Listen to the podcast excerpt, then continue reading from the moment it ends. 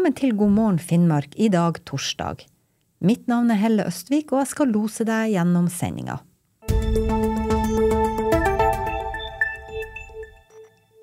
Og det tenker jeg sier jo seg sjøl, at har du et barn da som trenger mye hjelp i en dosituasjon, så sitter du da igjen med én voksen på 17 unger.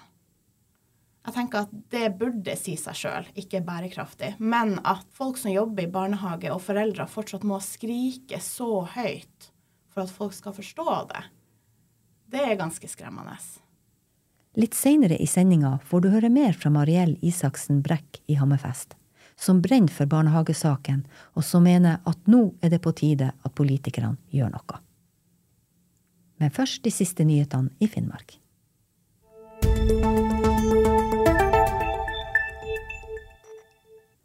Tingretten har dømt en kvinne fra Hammerfest for grovt økonomisk underslag. Hun var tiltalt for å ha underslått i overkant av halvannen million kroner fra den lokale karavanklubben og hundeklubben.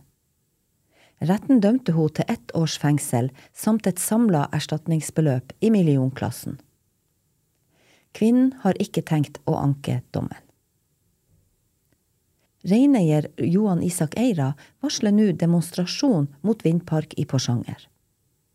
Han håper på et stort oppmøte for å markere motstand mot planene om ei fremtidig utbygging.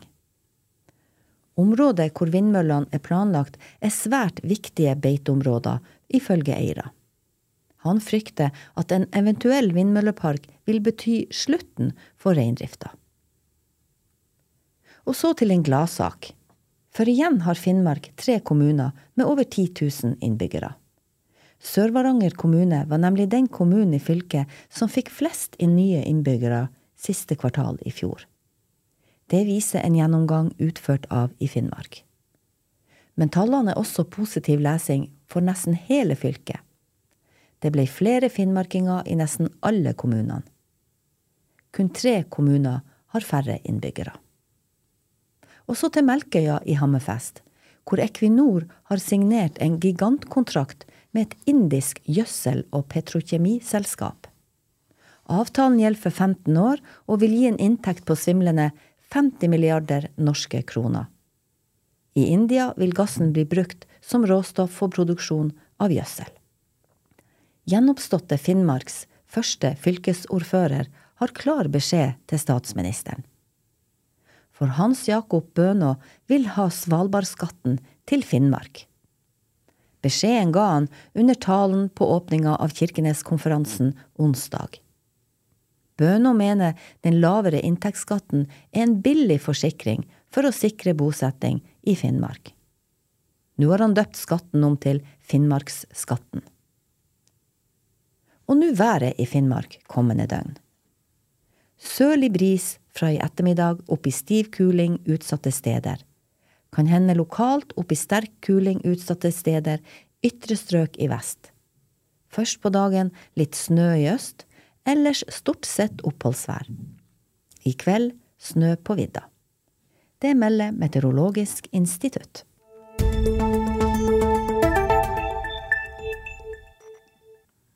Mariell Isaksen Brekk hadde en drøm om å jobbe i barnehage. Derfor utdanna hun seg til barnehagelærer. Men etter fire år i yrket så hun ingen annen utvei enn å slutte. Jeg har en gutt på to og et halvt år, og det var vel egentlig da jeg kjente mest på at eh, OK, jeg er nødt til å fungere hjemme. Det er det som er min prioritering, barnet mitt. Eh, da er jeg nødt til å ha en roligere arbeidshverdag med mindre press. Eh, bedre arbeidsvilkår. Jeg har, Nå har jeg 80% stilling. Jeg hadde 100% stilling i barnehage. Jeg har samme lønna nå for mindre jobb. Eh, så eh, ja. Det er, selvfølgelig er det mange, mange, forskjellige grunner, men først og fremst så er det jo sånn som alle vet om, og alle leser at det er for få voksne i barnehagene. At det er en ekstremt, eh, en ekstremt pressa bemanningssituasjon, rett og slett. At eh, barnehager er stengt, unger får ikke det de har krav på. Eh, det blir usta, altså ustabilt personale, rett og slett. Eh, foreldre opplever stengte barnehager. De får, altså, får ikke gått på jobb sjøl. Jeg kan jo ikke snakke for alle, fordi at jeg kjenner jo meg sjøl, og jeg vet at det er mange, mange, mange ute i barnehagene der som har barn sjøl, og som står helt fint i det, og som takler det, og som funker på jobb og på hjemmebasis. Og, men, men, det er ikke for alle.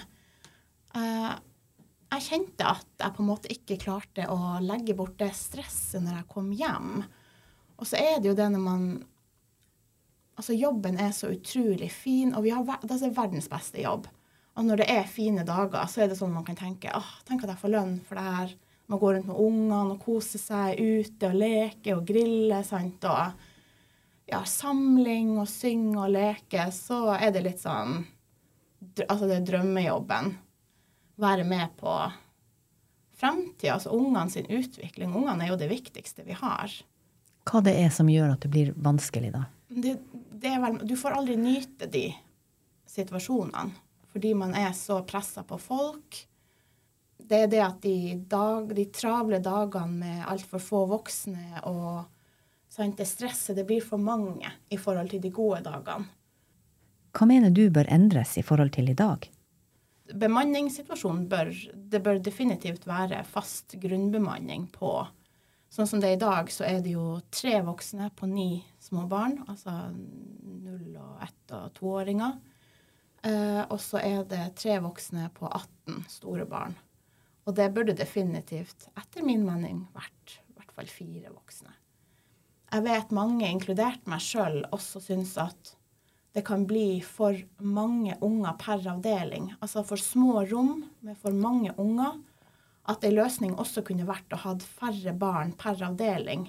Og hatt tre voksne, da, men at det var færre unger. Så det, det, er jo en annen måte å se det på også. Ro i hverdagen, både for barn og voksne, mm. er det det som du tenker ville gjort den hverdagen bedre? Man er jo avhengig av ro for å kunne planlegge og strukturere dagene, og ikke minst å kunne gjennomføre aktiviteter. Altså kunne gå på turer, kunne dele inn i lekegrupper, kunne ha liksom ro og struktur rundt måltidene. og få snakka med alle ungene. og altså, Bare det å kunne hjelpe dem å gå på do sant, og kle på dem. og Du er jo avhengig av å, å ha nok hender. Dag så er det jo Hvis du er tre voksne på en avdeling, så har du kanskje en PED-leder. Um, som gjerne er tidligere ferdig på sine tidligvakter, f.eks. Pga. plantid. Altså alle pedagoger har fire, fire timer ubundet plantid i uka plantid så er man eh, kanskje ferdig f.eks. Eh, i ett- eller to-tida på jobb. Eh, da går man på kontoret, gjennomfører plantida si. Da er man eh, gjerne to voksne igjen på det som kan være 18 unger. Og det tenker jeg sier jo seg sjøl, at har du et barn da som trenger mye hjelp i en dosituasjon, så sitter du da igjen med én voksen på 17 unger. Jeg tenker at det burde si seg sjøl, ikke bærekraftig. Men at folk som jobber i barnehage og foreldre fortsatt må skrike så høyt for at folk skal forstå det, det er ganske skremmende. Og du er jo en av dem som har valgt å gå ut av yrket. Kunne du tenke deg å gå tilbake som eh, barnehagelærer? Man skal aldri si aldri. Barnehage ligger jo mitt hjerte veldig nært. Det det har faktisk blitt en litt sånn hjertesak for meg. Jeg kjenner nesten at jeg engasjerer meg også nesten mer etter at jeg er kommet ut av barnehage, enn det jeg gjorde når jeg sto i det. Um, Hva du tror det kommer av? Det kan jo ha litt å si at jeg, jeg fikk barn sjøl. Før så sto jeg på den ansattsida av det, men nå på en måte ser jeg også um, hvor fortvilende det er som forelder uh, å vite at uh, det kanskje ikke er nok folk, der ungen min på en måte tilbringer åtte timer om dagen. Kanskje han ikke sant, får hjelp med det han trenger. og det har, uh, Jeg vil bare påpeke at det har ingenting med de ansatte som er der å gjøre, for dem er altså helt fantastisk. Jeg vet at alle som jobber i barnehage, gjør sitt beste ut ifra de forutsetningene man har. Så dem er, dem er helt fantastiske. De gjør sitt aller beste.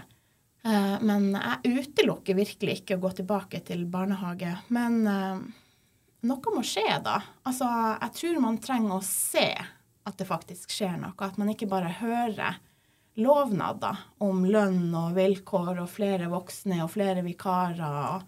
Jeg tror man trenger å se at det faktisk skjer noe i praksis. At de lovnadene blir til virkelighet. Vi får virkelig håpe det. Mariell Isaksen Brekk, tusen hjertelig takk for at du kom til studioet vårt i dag i Finnmark. Tusen takk selv. Og ha en fin dag videre. Ja, takk sjøl.